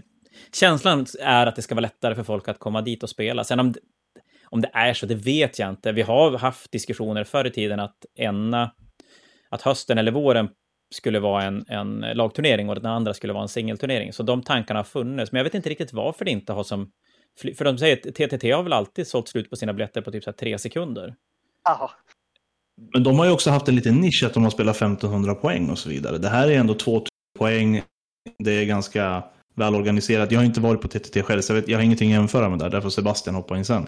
Men just att jag, jag tycker att turneringen, den första turneringen som var förra året, nästan exakt för ett år sedan om jag inte minns fel, mm. den hamnade ju väldigt perfekt in när 40K började liksom marschera framåt ordentligt och vart populärt. Eller ännu mer populärt. Det vart ju nästan ett, ett ordentligt uppsving förra och för förra året i spel, när nionde spelades. Jo, men du, du har nog en poäng där att tidsmässigt låg det nog väldigt, väldigt bra. Lite så slump att det, det blev just då när, när, som du säger, att 40K fick en fart. För vi märker det i år att fjolens Grand Fanatic var vi 24 40K-lag och oj, var det 16 Age of Sigmar-lag? Och när vi ja. la ut biljetterna här så såldes 24 Age of Sigmar-biljetter sålde slut jättefort. Men vi fick ju det 24 40K-laget bara igår. Så att mm, Age of Sigmar mm. var ju större ända fram till egentligen igår. Nu är turneringarna lika stora. Och det undrar jag om det är lite grann att det är en ny edition som gör att folk har varit lite osäker på om man vill kliva in eller om man, ah, om det är sådana saker som påverkar. Men förra gången var ju definitivt någon, en tid då 40K eh, fortsatte att öka. Nu vet jag inte hur det ser ut nu, om det kliver tillbaka lite grann för att komma igång igen när tionde har satt sig lite grann, eller om... om... Ja, Alltså det, det, är ju, om jag får säga vad jag tycker så tror jag att det har lite att göra med att det är början på en edition, alla har inte fått sina kodexar, vi vet hur det har varit med eldar, hur vissa arméer har varit lite mer värre än de andra. Vissa som spelar kanske inte tycker att det är värt att lägga pengar på att åka om, om man åker och blir tablad tur ett, vilket Nej. inte var orimligt att man vart. Så att jag tror att den här Balansuppdateringen kanske kom lite sent, men den kom innan här. Och jag tror att folk kommer att inse att det inte är alls lika... Om man bortser från Eldar så tycker jag att spelet är otroligt mycket mer behagligare. Vissa andra faktioner har också varit lite tillbakatryckta. Eldar har också blivit tillbakatryckta, men inte kanske på den nivån som folk hade önskat, om man ska säga så. Så vet inte jag. Sebbe, vad säger du? Eh, nej, jag säger ju helt enkelt att om man tycker att det är en taskig meta man vill tävla av äldre, då, det är då man ska spela Teams. För det är bara en av fyra matcher man vill tävla av äldre. Resten av tiden måste man ju möta någon annan. Det är det Helt som rätt. gör Teams bra. Det är bra Helt i en dålig meta. Ja, fantastiskt. Riktigt bra sagt. För det är precis som du säger. Eh, då, har man, då vet man att det finns en eldarlista, men då får man själv ta med sig en eldarlista i laget och trycka tillbaka med den. Och så blir det rättvist helt plötsligt. Det enda sättet att spela fair 40K när man spelar team. Jag tror det var du som sa det förra gången. Sen när man pratar och sälja slut, nu, nu kanske det är lite annorlunda i just Grand Fanatic, men jag vet ju att i Fantasia Fanatic så säljer du aldrig slut på biljetter det. Du säljer ju biljetter tills, ja. så länge du vill ungefär. och det känns, det kanske finns ett hinder här, men vi har inte nått det känns det som, för folk får anmäla så mycket de vill. Och det Nej. är bra och dåligt. Nej, men så här, jag, jag vet att man märker ganska många turneringar runt om i Sverige som säljer slut på sina biljetter och, och folk letar biljetter i efterhand. Jag har ju, det tar alltid väldigt lång tid innan fanatiken blir stor, alltså nära själva deadline. Men folk mm. vet ju att jag har plats, jag har terräng, jag har bord och jag vill ha så många som möjligt. Så att jag sätter ju inget tak, för jag vill ju inte sälja slut. Jag, jag vill ju ha en, jag vill ju ha 240k-spelare under samma tak. Det är ju det är någonstans min dröm och, och vi skulle kunna mm. prata 40k-ranking och grejer. Men, men, vi, nej, men alltså det är, ju det, det är ju det jag skulle vilja och därför vill jag inte sätta ett tak för jag, jag har en lokal som klarar av 200 spelare. Och då, då känner jag som inget behov. Ja, nu är inte jag en affärsman och sådär, vi behöver inte prata affärer heller, men jag tänker ändå det att du sa att 40k kröp upp till 24 nu, precis nu. Jag tänker om man faktiskt hade satt ett tak på 24 för ett halvår sedan, då kanske de hade slagit slut på dag ett, precis som TTT. Bara för att man, har den där miss, jag vill inte missa grejen, jag vet inte. Ja, ja, men det hade man ju förmodligen. Och det är väl... Jag vet. Jag, är ju, jag har ju lite fobi mot det här fear of missing out-grejen, att folk hugger biljetter för att tänk om det tar slut och jag inte får vara med. Eh, ah, ja. mm. Du är en söt norrlänning, det ja. Eller hur? ah, jag, köpte en, jag köpte en London GT-biljett någon gång i mars och upptäckte nu att jag ägde den. Shit, jag kan inte åka dit. Så jag gav bort den till TJ Langen. ja, det, och det kanske är egentligen vägen att gå. Kanske. Jag vet inte.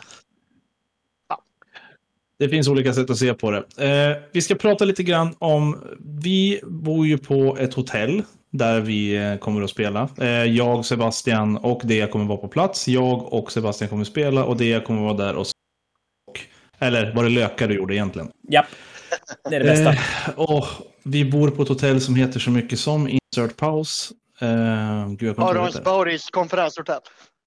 Precis, Aronsborgs konferenshotell. Ja, precis. Smurf. Eh, jättefint hotell, jättebra bra ställe att bo på. Eh, framförallt väldigt, väldigt trevlig pool som användes friskt förra gången på nedervåningen. Och eh, man kunde spela, man kunde dricka. Det som jag tyckte var, om jag får säga min nummer ett där, det var faktiskt att det ingick en lunch och frukost på morgonen där. Lunchen framförallt. Och jag kommer ihåg om det var efter sista matchen på lördagen. Eller om det var lunchen, jag kommer inte ihåg, nu får ni rätta mig här när alla som hade spelat gick och käkade tillsammans när han fyllde år. Kommer du ihåg det? Det är middagen på lördagen var det. Precis. Ja, och det är samma koncept var... i år. Det. Ja, ja, födelsedagen vet jag inte. Det är så men... häftigt. Ja, men det är så häftigt tycker jag. För det var verkligen eh, lite maffigt att det var så många från... Alltså som spelade på samma event som satt tillsammans och käkade. Även om vi satt vid våra teambord så var vi ändå där tillsammans. Det tyckte jag var häftigt. Ja, det är ju jättekul att höra och det, det var väl lite grann vår ambition av att kunna få samla ja, men alla, även de två olika spelen, att man har dem under samma tak och att man, man inser någonstans att vi gör samma sak och att man... Men när man har varit, framförallt ni som är runt och spelar mycket, mm. känner ju igen folk mer eller mindre och ju mer vi kan göra sånt här, ju, ju mer kommer ju folk att lära känna varandra. Ju tryggare blir det ju för folk som kommer utifrån att, att kunna vara med också. Så att, eh, nej, men det var väl, det, den, det var kul att den uppskattades. Så vi, vi var själva väldigt, väldigt nöjda med den. Ja, jättebra. Ska vi ta och titta lite på eh, strukturen på eventet? Det kan vi väl gå igenom. Och eh, det kan väl du få göra, du som har koll på allting. Hur ser det ut för den som ska spela här nu i helgen? Ja, hur, hur trippelpärrar man? Ja, precis. Hur, det, fy fan, den där, den där pairing. Kan vi prata pairingen eller? Berätta hur ni kom fram till pairingen. Jag vill veta pairingen. Tri ja, men triple pairingen, den, triple pairingen kan jag säga, den är gjord bara för att förra gången så, jag, jag, tänkte så här, att jag är van att arrangera turneringar där jag har stenkoll på hela communityn. Och jag är så här, vi ska arrangera en turnering på ett hotell, det kostar 3 500 att vara med. Är vi udda så kan jag vända med två steg till vänster och bara du ska vara med, du ska vara med, du ska vara med och så har vi ett lag och så kör vi. Precis. För att får man spela gratis ett sånt event, då är man med. Vi blev ja. udda och det var inte lika lätt att göra när man inte bara kan hugga random människa i butiken. Så det blev ju udda förra gången. Och, och där på... Precis. Undrar om det var fredag kväll, eller om det rent var lördag morgon, så vi bara, du, vänta nu. Ska inte vi para tre mot varandra? Och så blev det kaos. Mm. Och så visste vi inte hur vi skulle göra. Så den här gången har jag faktiskt Daniel Trander som har arrangerat de första 30 fanaticsarna med mig som älskar, han designar brädspel, han, han älskar allt sånt här struktur. Han ska vara med och spela nu, men han spelar egentligen inte 40K. Han älskar allting med, med statistik, papper, eh, bygga scenarion och grejer. Så det är han som har gjort båda paringsarna och trevägsparingen, den har jag släppt åt honom och bara så här, du, jag, jag bryr mig inte. Så länge det finns det någon han typ vi ska av... prata med. Ja, däremot eh, tvålagsparingen, den har vi gjort det tillsammans. Eller han har gjort grunden och sen har vi diskuterat den, jag och så Bebbe, min kollega som är med och spelar i ett av lagen, som är en, en kompetent 40K-spelare. Och så Daniel också. Mm. Och där är väl tanken att vi vill göra... Det är ju så, att ta bara VTC-pairingen när man är fyra blir jättekonstigt, för då pairar du två lag och sen slumpar man resten. Eh, och det var ja, kanske precis. lite det vi ville komma bort ifrån, att alla val, det skulle vara val hela vägen fram, även om det inte alls går att göra lika bra som på åtta, åtta personer. Och därav blir det då mm. den här att, att ett lag väljer de två sista pairingsarna, men det andra laget väljer bord. Så vi har suttit och testat den lite grann på, på, på jobbet också, och vi tycker väl att det finns lite olika tankar man kan välja att gå när man, när man ska para och lite grann vilka arméer man har byggt. Om, om man är mer att man känner det viktigt att välja bord eller att man känner det viktigt att man ska få välja, försöka välja mer vilka, vilka arméer som ska möta varandra och sådär. Vi hoppas att vi ska kunna mm. skapa lite tankar. Ja, jag tycker den är jättebra. När man bara läser den säger man, vad är det här? Så ja. prövar man att pära och då förstår man att ni verkligen har tänkt. Det är precis som du säger, liksom man, man är ju bara fyra och normalt sett är fyra man päring typ TT-tävling, det är typ slå en tärning och se vad man möter. Men som du säger, man kan lite så här, ja om jag verkligen vill ha ett bord, ja men då är jag tydligen en attacker. Ja. Om jag verkligen väljer bort någon, ja men då vill jag defenda. Så det, är- det är smart. Det, är smart. Det är Det, vi gjorde kan man säga, där ska ju Daniel Tarander, han, han är med och spela i femmannalaget faktiskt, som har skapat lite debatt. Ah. Det är bra. Eh, det, ska, Ah. det här ska han, all cred här ska han ha. Vi har hjälpt till att checka den i efterhand, men, men grunden har vi själv. Nej, men det, vi hade faktiskt Knightsen, för det här var ju, den här är ju gjord innan eh, balansuppdateringen, så Knightsen var ju ett, en grej. eh, Som de är Problem, ja. det, det, problemet, bra, det är kanske ett rättare ord att använda, som de inte är nu. Men och som du sa Sebastian, den är byggd lite grann med tanken att vill jag para våra knights på det tomma bordet, eller det, det lättare bordet, eller vill jag försöka ta motståndars knights på det, det trånga bordet, eller vill jag själv kunna bestämma vilken armé mina knights ska möta? Så att lite där ska valen. Så knightsen var faktiskt en ganska stor del kring varför vi ville tänka till lite extra med den här pairingen. Men, men jag tror nog att, som du säger, att de som har gjort hemläxan kommer nog kunna tjäna lite grann på det mot de som bara tycker att det är en slå en tärning och se vad som händer. Ja, ja, precis. Och bara för att gå igenom det lite snabbt så tänker jag att eh, vi bara rabblar igenom den. Det kan bli ett test för mig, så kan du få säga vad jag har fel. Det, och det kan ju du också Sebbe göra, för du, har säkert, du kan säkert det här också bättre. Du vet, jag Men- måste ta fram den om jag ska kunna hjälpa till, jag på säga. Den är, den är, Så den är händer avancerad. Ja, ja, så det som händer här nu, det är att båda lagen rullar en tärning. Eh, och vinnaren får bestämma om man är attacker defender. Eh, defendern presenterar en lista. Och attacken Eh, väljer, eller lägger fram två förslag. Varpå defendern väljer motståndare. Sen får då attacken välja ett av de fyra borden. Det var första pairingen. Andra pairingen, samma sak. Defendern presenterar en lista. Attacken lägger fram två förslag. Defendern får nu välja både vem man möter och bord. Och de två andra, eller de två sista eh, rundorna av pairing kommer eh, attacken sköta helt själv. För då har man två listor kvar från eh, defendern, två listor kvar från attacken. Och då får attacken välja båda matcherna och båda borden. Stämmer det? Ja, Woo! ja, gud. Det är, en, eh, det är en filosofi det där. ja men det stora Sebastian sitter och tänker skillnaden... så det knakar. jag tror att den stora skillnaden som jag blir, det är hoppas väl... bara att mina första motståndare har läst dokumentet så vi slipper. det, faktiskt alla kommer få ett kaptenspack där pairing, det här pairing-pappret som är med i kaptenshäftet är med. Ja. Och så kommer alla få ett, sina faction i så här magic sleeves. Så att man kan egentligen bara följa den här, Nice. Den här eh, väl dokumenterade grafiken eller vad man nu kallar det. Så att det borde lösa sig. Men där, jag, jag tänker mig att vissa kan nog tänka att oj, jag borde ha valt istället. Och jag tror att skillnaden här egentligen, de två grejerna som sticker ut lite grann, det är väl det faktum att Defendern ställer fram en två gånger i rad. Så att Defendern får ju som då, Mm. inom situationstecken välja matchup, men har ju bara två att välja mellan. Och att sista två inte bara blir så att den ena väljer och den andra blir det som är kvar, utan att det är samma lag som väljer båda. Det är väl de två grejerna som jag kan tänka mig sticker ut lite grann. Ja, precis. Och för Defender så tror jag att det definieras ganska hårt vid eh, pairing nummer två där när man får välja sin Defender, man får välja motståndare, man får välja två och man får välja bord. Det är väl Mm. där man kan eh, flippa ganska mycket då. Eh, sen har ju attacken ganska mycket fördel i att få bord först och få välja de två sista borden. Ja, det, Så det det- finns väl både fördelar. Ja, jag tror att tanken vi hade, eller tror, tanken vi hade var att en, ett, ett lag som har fyra arméer som inte är så här superbrydd om, eller som inte har riktiga dåliga matchups, men kanske inte heller nödvändigtvis jättebra matchups, men är, hellre vill då känna att man kan bestämma lite grann vilket bord man ska spela på, har möjligheten att, om man vinner tärningsrullet i början, att välja då attackersidan istället för att få de valen, medan har man en armé som, har man ett lag som är mer matchup-beroende, då kanske man hellre vill välja att vara, vara defender. Ja, precis. Eftersom att man gärna vill ha en lista på ett specifikt ställe så tror jag det är den som hamnar på runda två där. Där Mm. man får välja både motståndare och eh, vilket bord. Nej, det är starkt. Ja, det är väldigt starkt.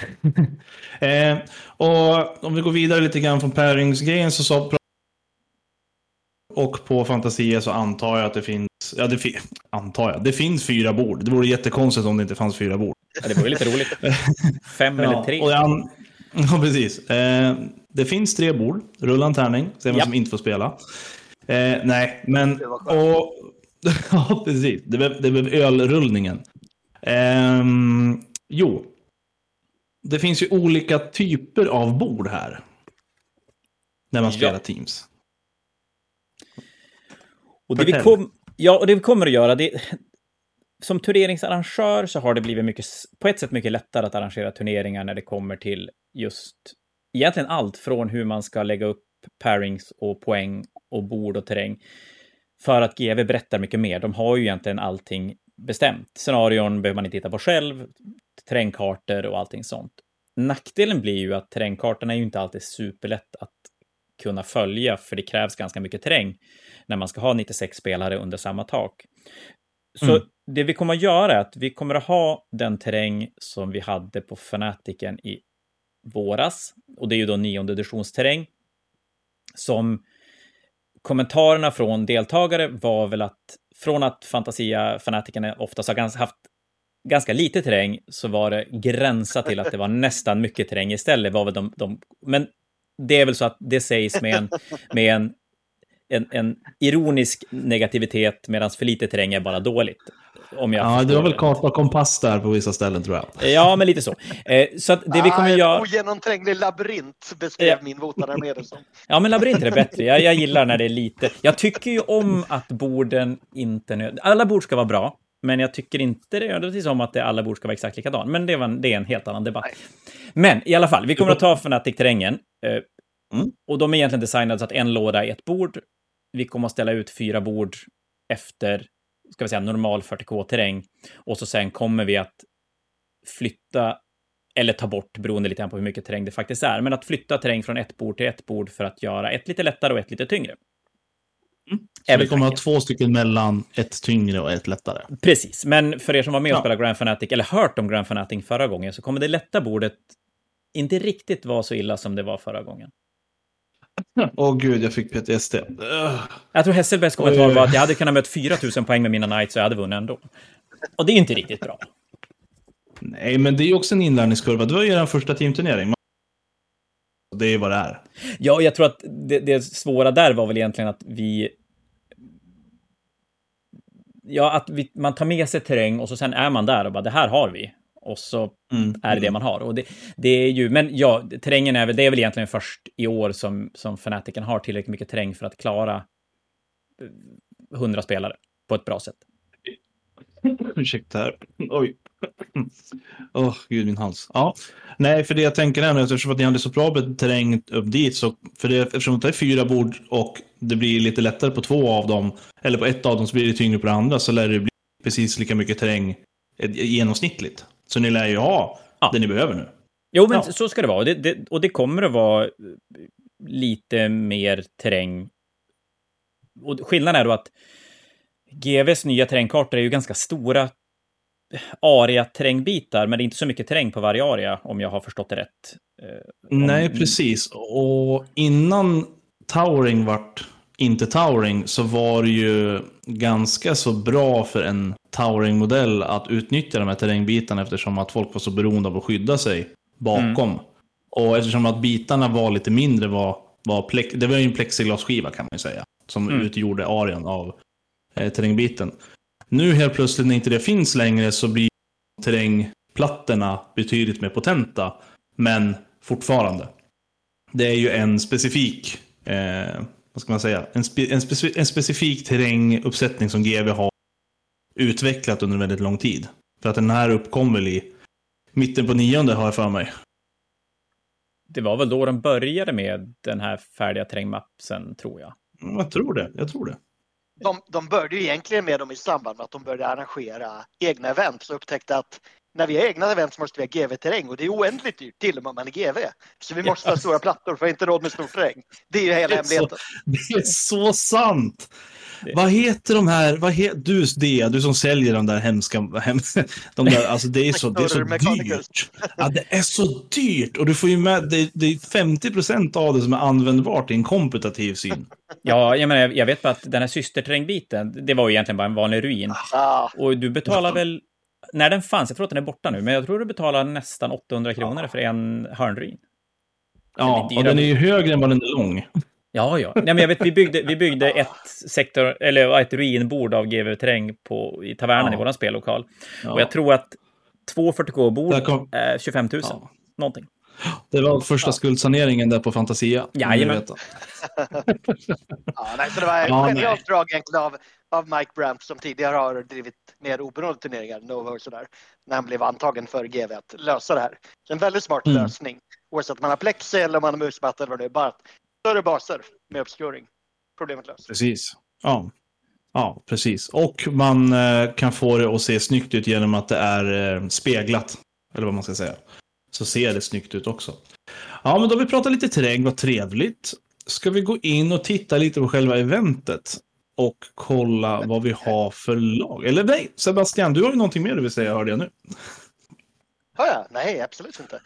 Nej, jag tyckte du sa att du, Ja. du, du brukar ju... Okej, ja, men då fortsätter vi. Konstpausen är gjord. Vi går in och kollar lite på rosters och kollar på vilka lag som Ja. är här. Det har fatter du vill prata om, förutom... Jag gissar att det finns ett specifikt lag du vill prata om här.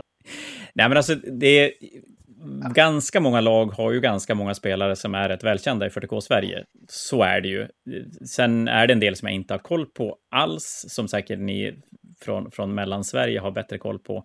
Eh, och det väl, och sen är det väl två lag som lite roligt för jag tror inte alla har koll på dem, men som är två lag som skulle kunna göra väldigt, väldigt, väldigt bra ifrån sig, lite grann beroende på hur mycket de har hunnit spela den här editionen, för det hänger ju rätt mycket på det, och lite grann hur mycket den här eh, uppdateringen kommer att påverka folks lister och hur mycket man har hunnit anpassa sig. För, för, för, för, Ja. Från den sidan sett så är det väl då Umeå-gänget som heter eh, Mördarmaskinerna från Norrland eller någonting. Norrländsk mordmaskin. Jajamän. Där spelar ju min kollega eh, Benjamin Hyvönen, eller Bebbe, och han var med och spelade SM. Tillsammans med Ludde som också spelar SM.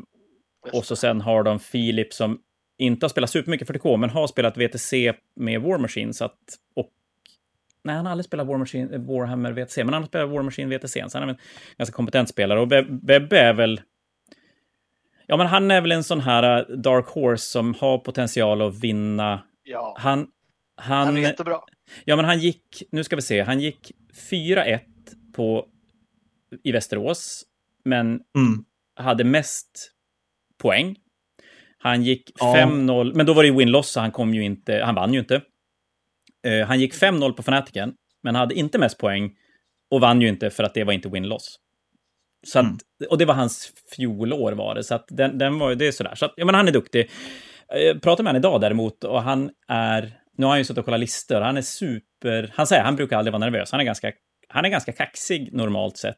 Men han är lite så här, vad har jag missat? För det är en ganska tydlig stil på listor, på väldigt många listor, som han är så här, vad är det jag missat? Eller har jag hittat någonting som ingen annan har hittat? Så, så det blir lite spännande. Han spelar Imperial Fist, en riktig Dacca-lista. Jag tänker Sen- faktiskt gå in på hans lista och kolla lite snabbt. Fortsätt prata du. Ja, sen det andra laget som, som är intressant ur, och det är Sundsvallsgänget, eh, Draknästet.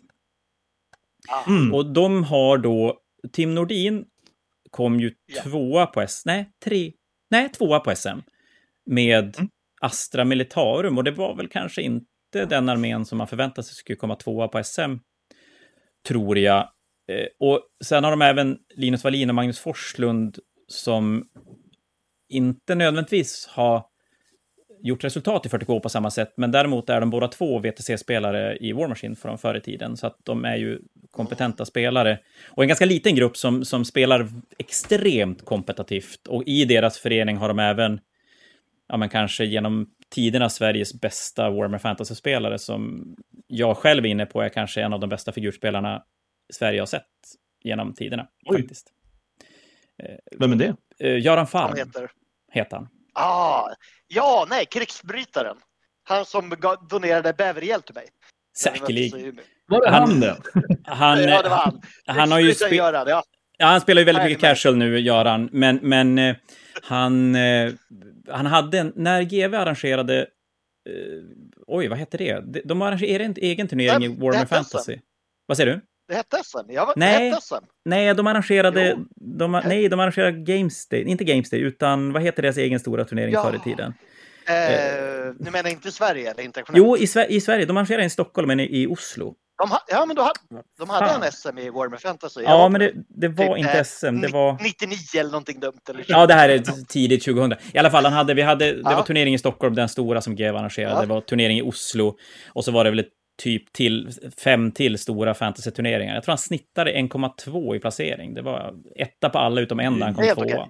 Nej, helt sjukt. Sjukt duktig figurspelare. Men Låter så att som de är... Jesper Nandeskarin för ett tag sedan. Ja, men typ.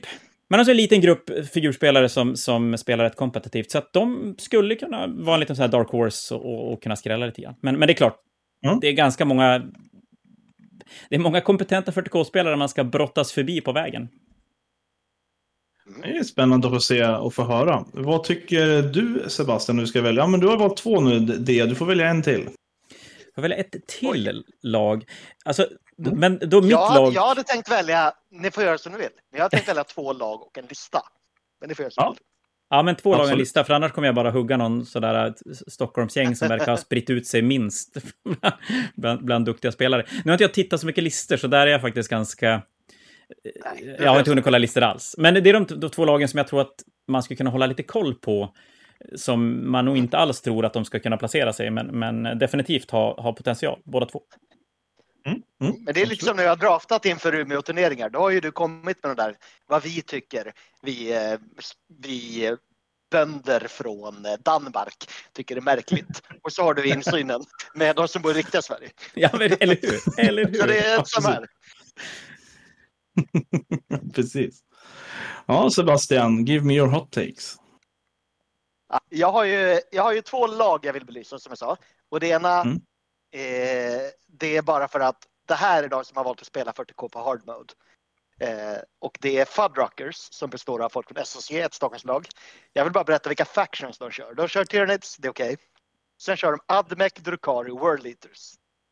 Wow. Och även efter Ja. balanspatchen är ju det hard mode. Så all heder till dem. Eh, jag vet till exempel Frank som kör eh, Admec. Jag spelar mot honom. Jag har förlorat mot honom när jag kört Admec. Eh, och så har vi, han som kör World Eaters är Viktor Sjöberg. Även kört en Korn Viktor som har kört World Eaters alla år. Jag brukar bara säga att om World Eaters någon gång blir OP kommer han bli Sveriges bästa spelare för det är en han spelar. Så jag vet inte om de kommer vinna. Men de kommer ju överprestera kontra sina factions och de kommer absolut rocka. ja, det är bra. Vad gulligt. Den faction-spridningen är helt eh, rolig. Mm. Mm. Det jag vill belysa det är lag som heter The Return of the Kings. Som är verkligen är fyra spelare som jag tror att alla en gång i tiden har tagit eh, podium på eh, VTC. Eller ETC som det hette på den tiden. Och numera eh, nästan ing, ja, näst, näst, numera är inte så många av dem jättebra, men vissa kanske på väg tillbaka. men det är, det är verkligen fyra riktiga veteraner som har varit superduktiga en gång i tiden och vi hoppas att de fortfarande kan prestera. Så det är Henrik Lampén, Jimmy Hesselberg, Mattias Katarsis Englund och Robert Kicken Gustafsson. Jag såg faktiskt eh, Ja, bilden, ja. den klassiska bilden på Mattias när han är domare på VTC'n. Ah. White Scar. Den dök upp i mitt Facebookflöde igår faktiskt. Det var lite roligt tycker jag. Är, är det han som Ja. står med huvudet ner i en regelbok och så står det en kille och ser jättenöjd Ja. ut? Jajamän. Och ser glad ut. Han Ja, ja. springat av ett helt bord med Croots. Jävla nice. Och jag kan, och jag kan berätta om de senaste två åren åtminstone på eh, VTC så säljer de fortfarande en tröja med den, med den bilden. En Cartoonversion, men då. Man kan köpa den tröjan. Så, en legend. Det är fyra legender skulle jag säga. Så, Verkligen, verkligen. Ja. Bästa listan då Sebbe? Nej, inte bästa, men en lista skulle jag belysa. Så. Ja, ja, ja. Den bästa är min, säger vi. Nej, det är inte. Ja. Men det är idioten Samme Sjölander. Som Åh, 23.30 innan listan skick skickade till mig. Har du Termagants att låna ut? Jag sa, jag tror inte det. Och skickade in listan med rubriken listan som slukar all livsvilja. Som ju är, gud. han var tvungen att skära ner den för att jag inte kunde låna ut ytterligare 100 termagants. Men det är ju kanske ändå, jag har inte räknat. Så 20, Det är väl 100, 30, 100 40, termaganter, va? 60, 70, 80.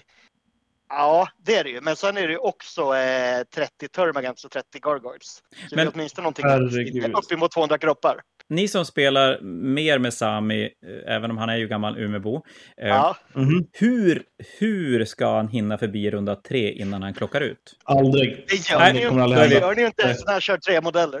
Nej, nej. Alltså, Nej, jag tänkte det, vi, vi där- diskuterade det idag på jobbet och bara det här kommer ju aldrig gå, det är helt omöjligt. Jag, jag, tänker, jag tänker eh, söndag match, första rundan, kommer vara När han ligger under bordet och däckat. ko komedi. För jag vet att Sami förra året, och stod, om det var han som spelade på bordet, på ena bordet, så stod Rasmus Haglund, den som jag spelade. Eh, och båda av dem hade ingen röst, så det var som att höra två hesa gäss som stod och skrek på varandra. det var jättekul. Mm. Ja, nej men som jag försökte sagt. verkligen övertyga honom. Mm. Men Ja, om vi pratar bra listor vill jag ändå säga att extrem hård har aldrig i någon edition eller någon meta jag har varit med om de senaste 30 åren varit Mm. dåligt. Bäst har det varit, som sämst har det varit okej. Ja, Extrem hård funkar nog i princip alltid på något vis. Så Om man bara hatar sig. eh, jag tänkte så här, med det sagt, det känns som vi har eh, pratat ganska länge om Grand Fanatic och det förtjänar den verkligen. Men eh, vi kanske börjar runda av lite. Så, eh, jag vet att vi redan har allt, egentligen handlar ju allting om dig det, men har du något mer du vill säga eller bidra med? Nej, men egentligen Något du vill inte. eh, plugga? Det är ku- kul att vara med och snacka 40K och snacka Grand Fanatic. Det ska bli Ja. skitkul. Jag har varit sådär, som alltid inför turneringen, skitopeppad för att det är så mycket annat som man känner allt kan gå fel. Men Mm. nu börjar allting landa så att nu börjar peppen krypa på också. Så det ska bli skitkul att se ja, men både nya balansuppdateringen, se nya editionen. Jag har inte sett den i ett, den här, så här stor turneringsformat än. Så att, eh, ja, men det är mycket nytt och det ska bli jävligt spännande att följa. ja Bara det för är kul att du håller taktpinnen.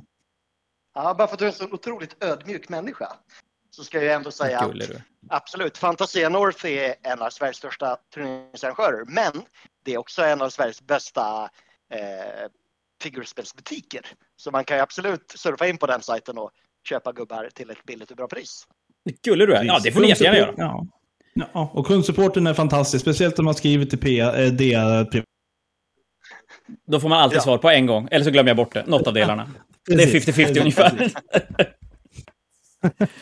Hörrni, ni har lyssnat på 40K-podden med mig, Pedro Chavez, Sebastian Magnusson och idag Dea från Fantasia och Fantasia North. Och med det så tänker jag att vi avrundar för idag. Och så får ni ha det så bra. Och eh, wrap-up på eventet kommer vi att komma med efter helgen. Ha det så bra! Hej då på er! Till nästa gång.